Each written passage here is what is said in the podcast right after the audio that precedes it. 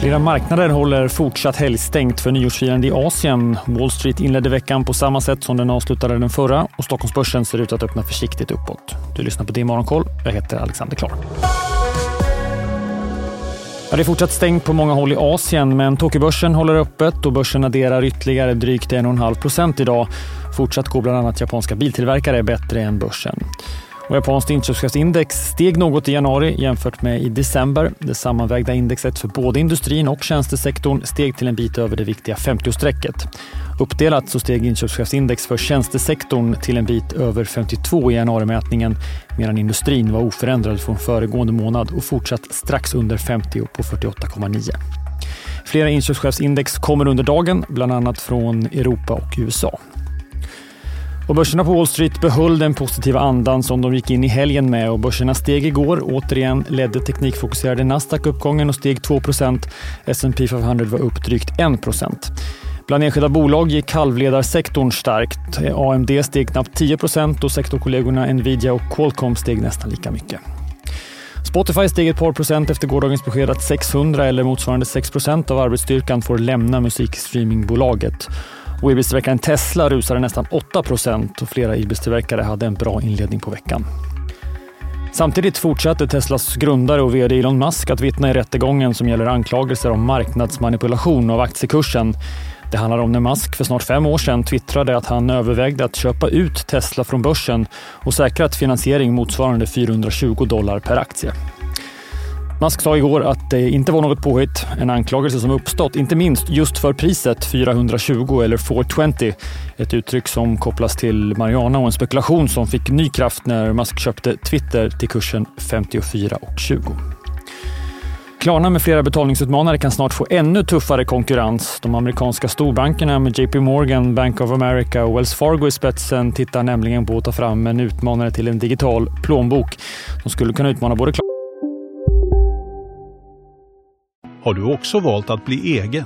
Då är det viktigt att skaffa en bra företagsförsäkring. Hos oss är alla småföretag stora och inga frågor för små. Swedeas företagsförsäkring är anpassad för mindre företag och täcker även sånt som din hemförsäkring inte täcker. Gå in på swedea.se företag och jämför själv.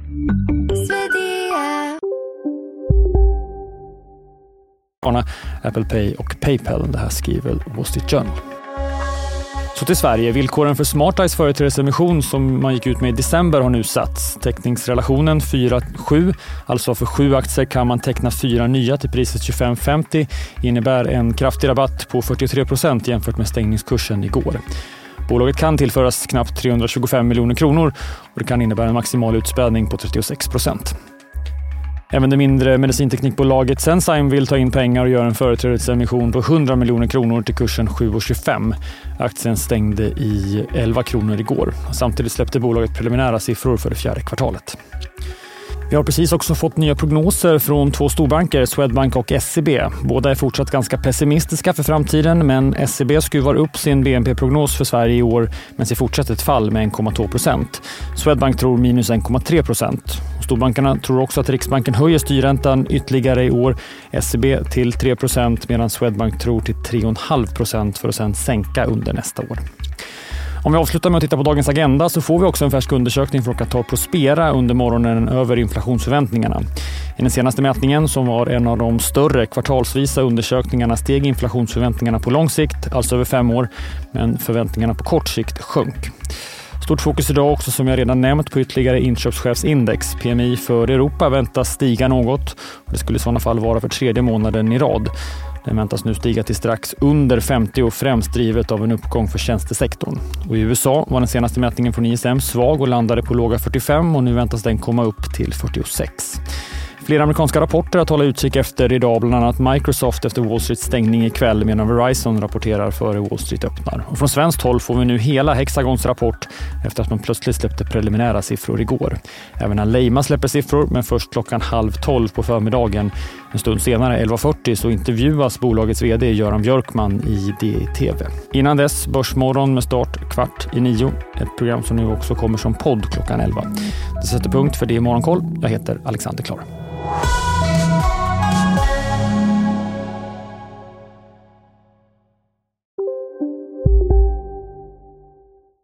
där det finns ett samhälle, där finns det brott.